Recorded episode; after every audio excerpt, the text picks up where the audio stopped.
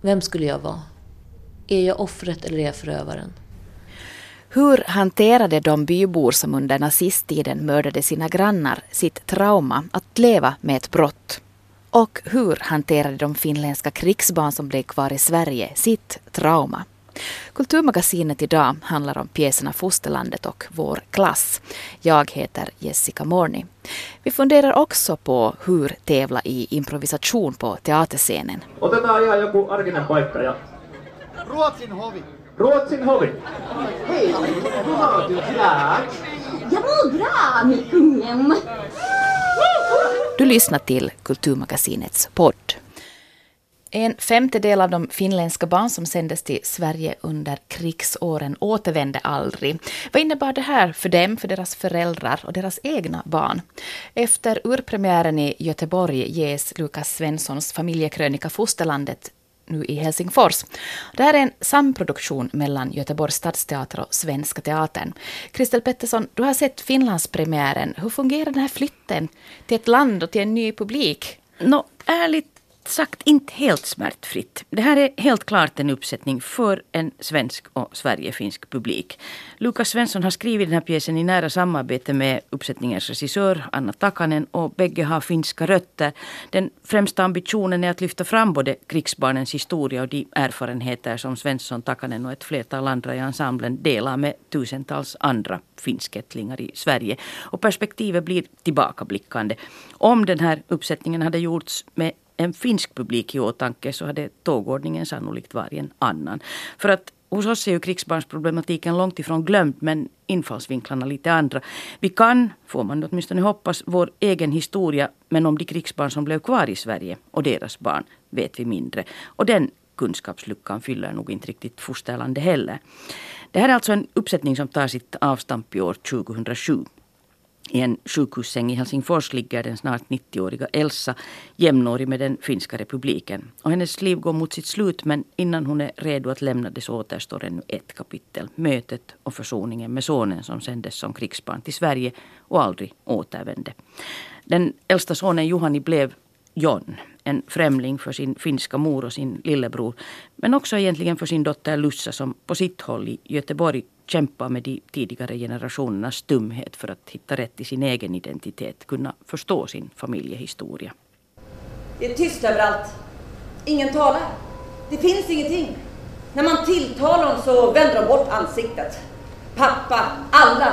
Finland, fosterlandet, finns inte. De ska inte få glömma. De ska tala.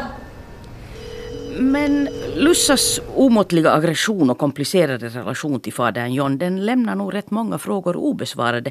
Vad vi får är istället ett tillbakablickande perspektiv där tidsresorna tillbaka till de finska krigsåren rekapitulerar en historia som den finländska publiken har sett otaliga gånger förr. Den enda skillnaden är kanske att folket är lite svårt att känna igen i den här sättningen ibland. Ja, menar du då?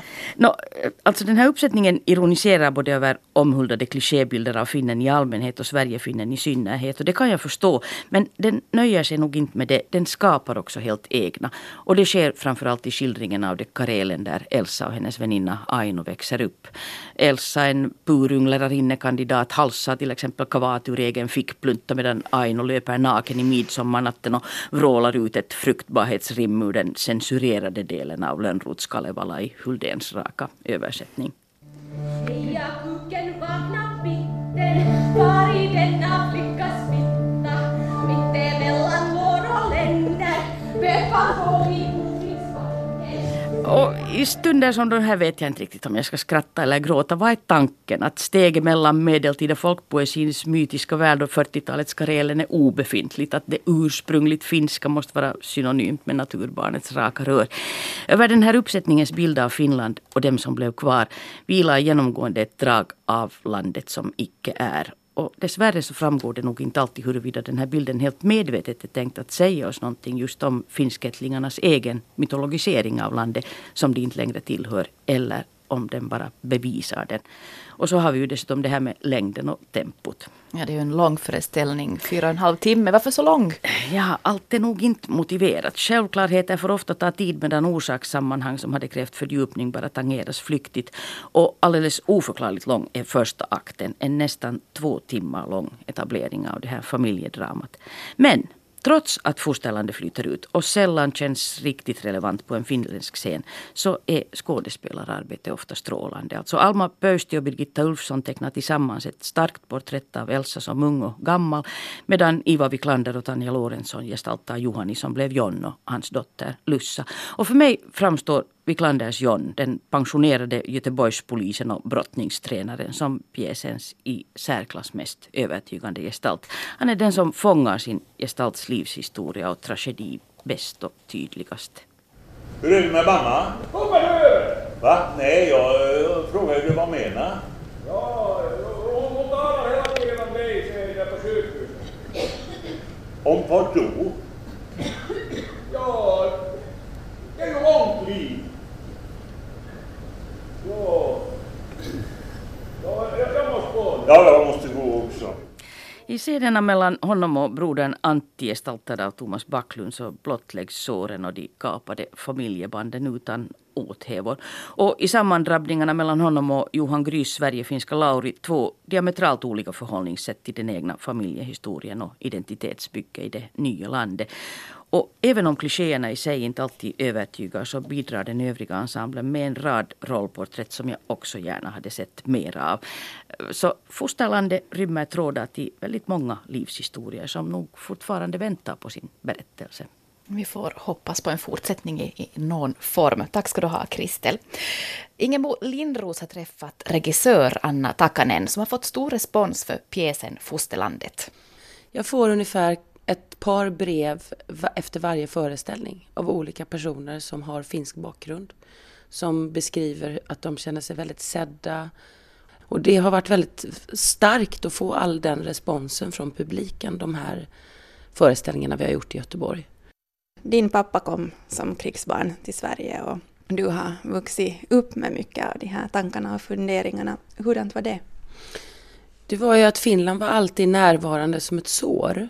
Även om det var stor glädje att åka till Finland. Och för oss som var barn, vi ville ju bara leka med kusinerna och liksom ha roligt och så. Men man kände alltid att det fanns någonting i den här vuxenvärlden som var min pappas och hans bror och min farmor då som var också väldigt, väldigt smärtsamt. Man säger ju det att det var ungefär 70 till 80 000 barn som skickades. Det finns ju lite olika statistik. Och ungefär 30 000 var mellan 0 och 5 år och finsktalande. Så man blev liksom av med sitt språk men man var också i en ålder där man inte kunde omfatta tid. Och man kunde inte heller omfatta, man pratade om det här, barn kan inte rita kartan. Alltså man kunde inte omfatta hur långt är det till Sverige. Det kunde lika väl vara så att man blev skickad till andra sidan. Man förstår inte avstånd. Så både språk, avstånd och tid och, och det fanns inga tolkar. Det fanns ingen som förklarade resan. Och, och det, min pappa blev ju ivägskickad och som han sa själv någon gång att först så fick han veta att hans pappa hade dött, alltså stupat. Och alla var väldigt ledsna och inte minst hans mor var väldigt, väldigt ledsen. Och ett par månader senare så blir han skickad till Sverige och han vet inte ens om att han blir det. Det blir som ett straff. Och om man tänker på den koppling som du har till Finland idag, hur syns det i ditt övriga arbete förutom den här pjäsen? Eh, jag tror att det, det, syns i mitt arbete på det sättet att jag alltid varit uppmärksammad på det här med exilpersoner. Jag tänker mycket runt det, vad det betyder att förflytta sig över världen ofrivilligt. I nuläget när eh, Sverige blir allt mer mångkulturellt hela tiden och det kommer många människor som är på flykt och Sverige samtidigt blir mer segregerat på många sätt. Hur ser du din och teaterns roll där? Det handlar om att försöka lyfta fram berättelser eh, med olika perspektiv och med nya perspektiv. Eh, jag tycker också att teatern har en roll att eh, inte liksom som nyhetsrapporteringen gå på headlines så att säga, utan försöka fördjupa frågorna. En grundforskning i vad det är att vara människa. Och att syssla med någon slags bakomliggande mekanismer mm, över hur, hur det är i det svenska samhället. Det ser ju väldigt olika ut på olika ställen såklart.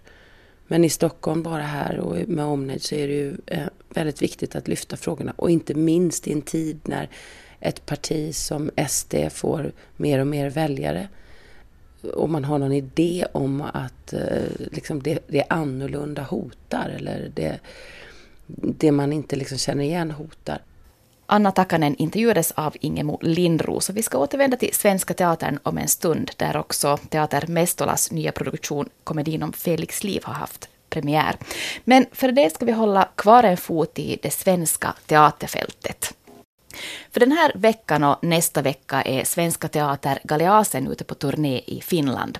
Och med sig har de pjäsen Vår klass av den polska författaren Tadeusz Slobodjanek. I Vår klass skildrar Slobodjanek de växande spänningarna mellan den judiska och den polska befolkningen i ett litet samhälle. Historien börjar år 1925 och vi får möta en skolklass som publiken sen följer genom andra världskriget och judeförföljelserna. Vi ska höra vad pjäsens regissör Nathalie Ringler har att säga om de frågor som föreställningen tar fasta på. Ah, den inte så enkla frågan. Ehm, jag brukar säga att den handlar om en by där ena halvan av byn dödar eller mördar då den andra halvan. Och det är liksom ett eh, ganska dåligt svar egentligen. För att det är bara början. För att egentligen så handlar den om det som händer efter. Låt oss säga att den handlar om att leva med ett brott. Och att det som är det speciella med det här brottet är ju att det på något sätt är ett brott som är sanktionerat av staten. Så att det är ju inte ett enskilt brott. Det är ju inte det att leva med att jag har mördat en annan människa. Utan det är ju, jag var en del av ett historiskt skeende. Som eh, påverkade inte bara mitt liv utan hela Europas och kanske mänskligheten, som man får säga så, historia. Och samtidigt så finns ju liksom min enskilda historia också med i det där. Så det är ju det är just så både och. Vi deltog ju en, en eh, diskussion här tidigare idag där man talar om att konstens uppgift blir att få folk att fundera att vad hade jag gjort och, mm. och vem är jag nu? Tycker du att, att det blir allt mer akut eftersom om man talar om förintelsen så kommer det ju snart inte att finnas människor som har personligen varit med om det? Ja, eh, jag tycker nog att det blir, blir allt mer akut också därför att vi lever i den tid vi lever. Eh, jag talar bara för mig själv, men jag upplever att jag är allt mer rädd. Jag är en mycket, mycket rädd människa. Jag är en orolig människa. Jag är rädd för allt möjligt. Men mest av allt är jag rädd för andra människors rädsla. Jag upplever att vi lever i en tid när människor är allt mer rädda om sig själva, om vad ska hända med mig, vad ska hända med mina barn och så vidare och så vidare. Och det gör att vi... Eh, alltså rädda människor är farliga människor. För att vi blir mindre och mindre benägna att möta varandra och istället försvarar vi oss. Vi försvarar det vi har. Och utifrån det så anser jag att den här historien är, är oerhört viktig. Därför att där någonstans ryms frågan också. Men, men i det här tillståndet, vad händer här? Utifrån den här positionen där jag är så inställd på att försvara mig själv. Vem blir jag då? Om det kommer någon och ber mig om hjälp. Det tycker jag är en väldigt aktuell fråga. Den här pjäsen baserar sig ju, eller utgår egentligen från en diskussion som har förts i Polen under hela 2000-talet efter att debattboken Grannar kom ut av en historiker som heter Gross. Och sen gjorde journalisten Anna Bikont en efterforskning i Vi från Jedvabne som då beskriver det här skeendet i byn Jedvabne där, där halva invånarantalet decimerades radikalt den 10 juli 1941 i en brand där grannarna brände ihjäl alla jud, judar. Ehm, den här föreställningen, Vår klass, har ju väckt oerhört mycket debatt. Den har ju visats på olika håll i Europa. Vilka frågeställningar är det som dyker upp när man visar den här pjäsen? Det, det beror liksom på vem man är när man ser den. Jag tror olika människor hittar olika frågor. Eh, för min egen del så trycker jag ju ofta på frågan Vem är jag? Vem skulle jag vara? Är jag offret eller är jag förövaren? Och vad är det liksom som ehm, får mig att bli det ena eller det andra? För att det pjäsen visar, menar jag, det är hur otroligt eh, slumpartade våra val kan vara. Inte alltid, men de kan vara väldigt, väldigt illa underbyggda. Alltså i den meningen att jag kan fatta ett oerhört livsavgörande beslut på basis av en snabb känsla. Jag känner att det här är rätt. Eller, jag råkade svara ja när du frågade om jag kunde gömma dig. Och det var bara utifrån att, ja, ja, det kan du väl göra. Det var ingenting jag tänkte på under en lång tid. Och sen får jag leva med konsekvenserna av det beslutet resten av mitt liv. Jag, så att jag tror att det är många sådana frågor som, eh, som dyker upp när man ser den här pjäsen. Det man ska tillägga som du sa, det är ju att pjäsen är en helt fiktiv historia. Den är byggd på de här böckerna. Men man kan med fördel läsa böckerna om man vill veta hur det verkligen var. Mm. För att den hemska sanningen är Alltså jag har fått så mycket sådär att åh vilken fruktansvärd pjäs och vad hemskt det är att se det här och, och man går ut och är liksom fruktansvärt påverkad och allt möjligt. Den hemska sanningen är böckerna är hundra gånger värre.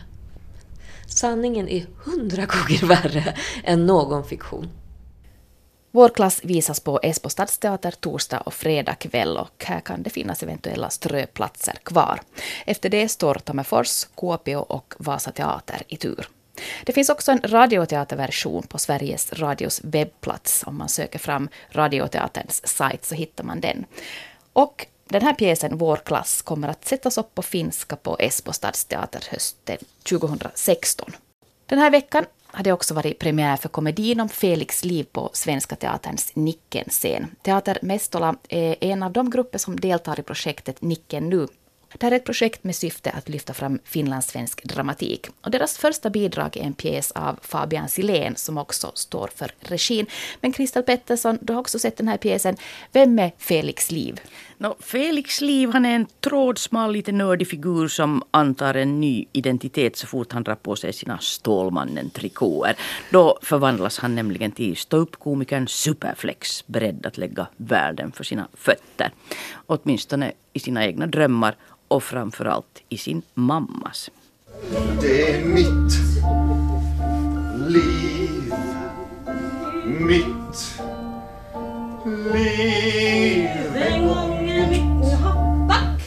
Men alltså sträck och pam pam så går ju danssteget. Annars var det bra. Och sen så kommer jag och så, så bugar jag så här lite diskret. Ja, men mamma, jag är ingen Fred Nej Astaire. men vi har mer akuta problem. Så Alltså Felix livs stora problem är att han inte riktigt vågar lyssna till sin egen röst. Trots att han nästan har fyllt 30 så är han fortfarande en pubertetsyngling, irriterad över att bli behandlad som det eviga barnet, men också snar att ge efter för minsta motståndets slag. Och om man nu dessutom har en sån tigermamma som han så är frigörelseprocessen inte helt lätt. Hon styr både Felix och sina före detta äkta män med järnhand.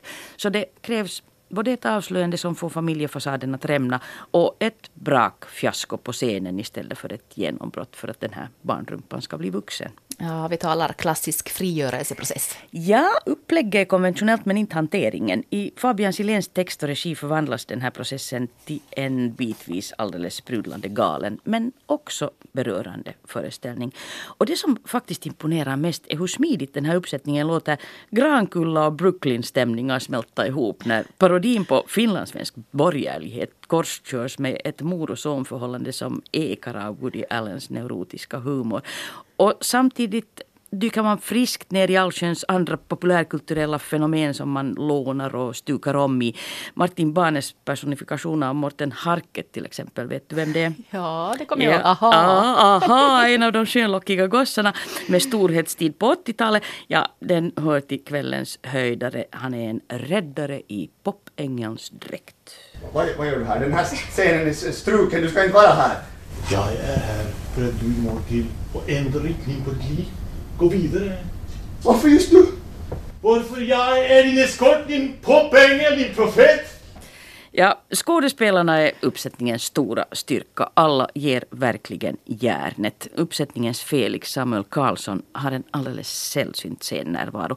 I motsats till sin rollgestalt Felix så är han fullständigt orädd i sitt möte med publiken. Han leder oss in i föreställningen samtidigt som han lyckas med konststycket att vara både skådespelaren som kommenterar rollen och rollen som kommenterar sig själv. Och hejdlöst rolig är också Lydia Becks gestaltning av supermamman Vilma. Hon är en bitch bestående av lika delar manager och tant.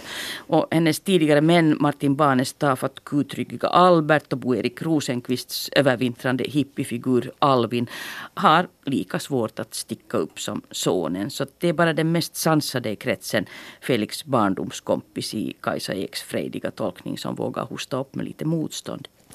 Och ändå är komedin om Felix liv absolut inget nidporträtt. Under de där vansinniga turerna så är Silens tragikomedi både insiktsfull och igenkännbar.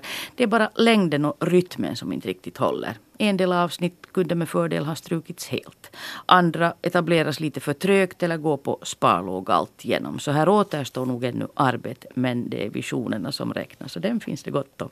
Mm. Tack för den recensionen, Kristel. Så ska vi här i Kulturmagasinet över till amatörteaterkretsar. Vänskapliga tävlingar i improvisationsteater, bland annat det, står på menyn när landets studentteatrar samlas för att fira festival. I helgen stod Vasas studentteater Rampen värd för årets festival. Under helgen ordnades, förutom då föreställningar, en så kallad improskaba. Och det här är en tävling i improvisation och den skedde då under ledning av improvisationsföreningen Intopioket. Men vad är egentligen improvisation? Det vet Anne-Marie Ikola, improvisatör i Intopiuket.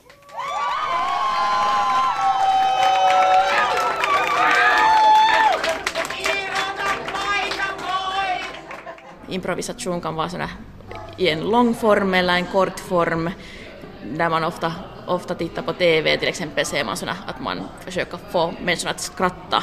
Så det är vad improvisation är. Men det kan vara någonting helt annat också och någonting helt allvarligt också.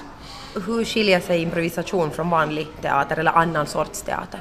Improvisation, allt liksom föds i stunden, så man har inte något manuskript färdigt, utan man gör allt i samarbete med, med publiken. Allt man skapar så skapar man liksom just då med de, här, de där människorna som, som är på plats just då. Det är jättespännande. Och ni sysslar också med eh, så kallad teatersport eller improvisationstävlingar kan man också kalla det. Men hur, hur går det till? Hur kan man tävla i teater?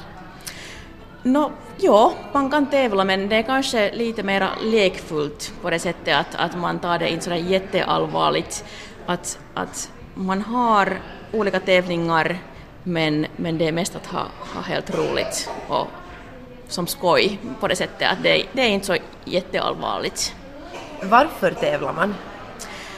No, det, det är också spännande, spännande att tävla, tävla att, att man kan liksom, improvisation kan man inte säga att någon grupp är liksom alltid den allra bästa och den andra är alltid den dåligaste, utan det kan också variera, liksom att en dag är en viss grupp bättre och, och, och nästa dag funkar det bättre för någon, andra, för någon annan grupp. Så det är helt kiva att, liksom, att man måste lite kämpa, kämpa och sen försöka få sitt bästa ut när man tävlar lite.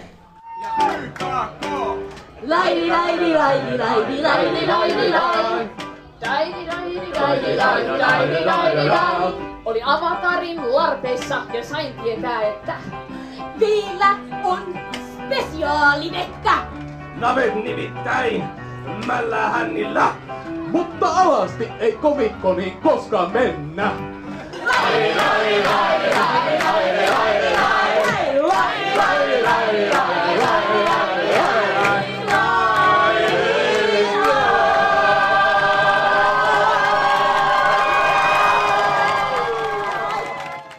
Tycker du att, att det, att, eller förstår du det att det finns sådana som tycker att man inte kan tävla i teater? Ja, no det är alltid när man pratar om konsten så det är sådär alla har så olika åsikter och alla har lite olika smaker att, att vad, vad, man tycker om. Men det är helt, helt OK tycker jag att alla har lite, lite sina egna åsikter. Men, men, men jag skulle säga att om man kommer ihåg att, att det är också sådär lekfullt helt så att det är inte så allvarligt så, så det skulle hjälpa mycket. Hur ofta ordnas sådana här improvisationstävlingar? Är det liksom, på, I vilka sammanhang hittar man de här? No, till exempel just uh, när man pratar om studentteatrarna så, så då har liksom, vi har de här studentteaterfestivalen en gång i året och alltid, alltid har vi en sån här improvisationstävling där. Och Intervjuet har också varit med där som, som helt tävlare mm. några gånger. Och, och sen någon just teater kryssning som vi har haft så det kan hända. Det är oftast om man liksom samlas, om det finns många teatrar och, och det finns liksom man vill lite liksom tävla med, mot varann att, att vem är bäst. Mm. Men det är helt lekfullt det, också. Det är vänskapligt. Ja, vänskapligt, ja. Och Rampen, eller Rampi som det också kallas, mm. är alltså nu då i år sån här värd för eh, Studentteaterfestivalen. Förutom att de har då en massa föreställningar så har de andra evenemang och ett av dem är det här Improskaba som alltså är just en mm. improvisationstävling. Och där kommer Intopiuket att ha någon roll. Ja, de ska leda hela tävlingen, tävlingen. Alltså vi har nio olika lag som tävlar och de är från liksom överallt från Finland. Att olika studentteatergrupper. Och det är alltid två personer i ett lag mm. och sen kommer de lite tävla mot varandra. Hur avgör man vem som är bättre? Det är publiken som har största rollen här. Att de, de får välja att, att vem, vem klarar sig bäst just idag. Okei, okay, mikä on tämä pohjoiskorealaisen elokuvan tyylilaji?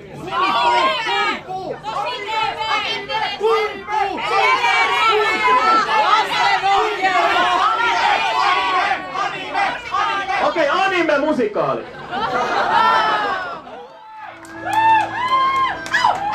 Rakkaat ylioppilasteatterin festivaalivieraat, vuoden 2015 Improvs Kappa, epävirallinen SM-kisa voittaja on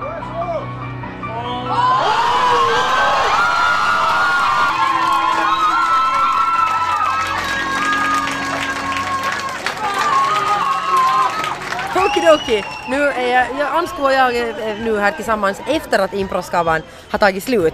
Uh, vad tyckte du? Jo, det var, det var häftigt. Häftigt och spännande. Och det var Ole och Boris som vann hela tävlingen. De var ganska vilda i publiken, brukar det vara så här?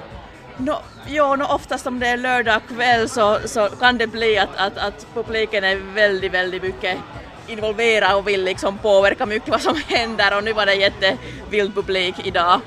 Men det, det är som det är oftast när det är en impro, improtävling. Vad som helst kan hända. Vad som helst kan hända. Mer om improvisation och intopiuket kan man hitta på deras hemsida. Redaktör här var Alexandra Häggman. Så vi kommit fram till Sannfinländarna i Kulturmagasinets granskning av partiernas kulturpolitik. Marit Lindqvist har träffat Maria Tolpanen. Vilken kulturverksamhet vill Sannfinländarna satsa på? Det är jättesvårt att säga bara en. Därför att så, så tycker jag att alla kulturer är jätteviktigt. Och det betyder ingenting om det är eh, teater eller operan eller musik eller postmodern dagskultur eller finlandssvenskornas kultur eller samiska kultur. Det är bara så att kulturen är den som ritar figuren om hela samhället och samhället situation. Vilka kulturformer ska staten inte finansiera? Guggenheim. Det är den. Om man vill ha någon sådant privatkultur som man man måste betala den själv med privata pengar. Vilka kulturformer borde vara gratis eller åtminstone billigare för medborgarna? Kanske det skulle vara jättebra att till exempel arbetslösa och studenter och elever och pensionärer ska få lite rabatt när de går till teater till exempel eller till någon konsert. Och sen kanske museum ska vara något sådant därför att eh, om man inte känner våra historien så kan man inte se framtiden. Om du själv skulle få välja bara ett kulturevenemang som du skulle gå på i år, vilket skulle det vara? Kaustinen. Det är den alltid därför att jag tycker jättemycket om folkdans och folkmusik, alla världens folkmusik och folkdans. Och kanske jag kan säga en liten hemlighet. Jag har dansat finska folkdans, man kallar den tanhu som ni vet, och jag har också lärt ut den när jag var lite yngre. Sannfinländarnas Maria Tolpanen var den sista som får komma till tals i veckans kulturmagasin. Men nya chanser kommer nästa vecka. Vi hörs. Hej!